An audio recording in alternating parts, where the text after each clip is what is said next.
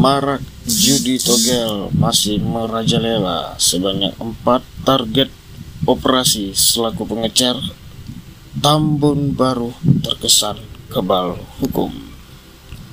Dewantara Tribunnews Aceh melaporkan 26 Agustus 2022.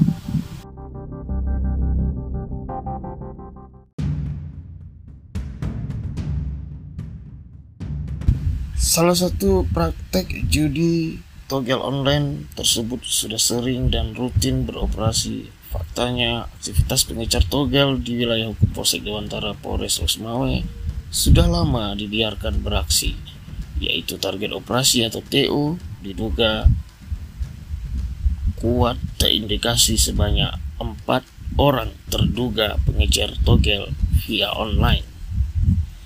Berdasarkan Amatan Media Tribun News Aceh Kamis pagi. Menjelang siang aktivitas transaksi pasang nomor togel terlihat oleh tim media Tribun News Aceh.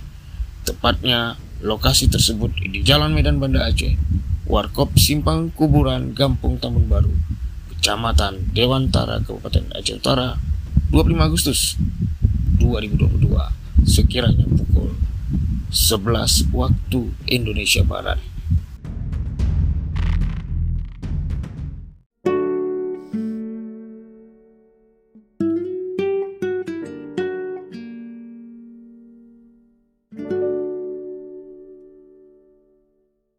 Pengecer di Sapa Akrab dipanggil si Putih dan saudara berinisial A mangkalnya di samping sela warkop dengan dosmir atau mobil second.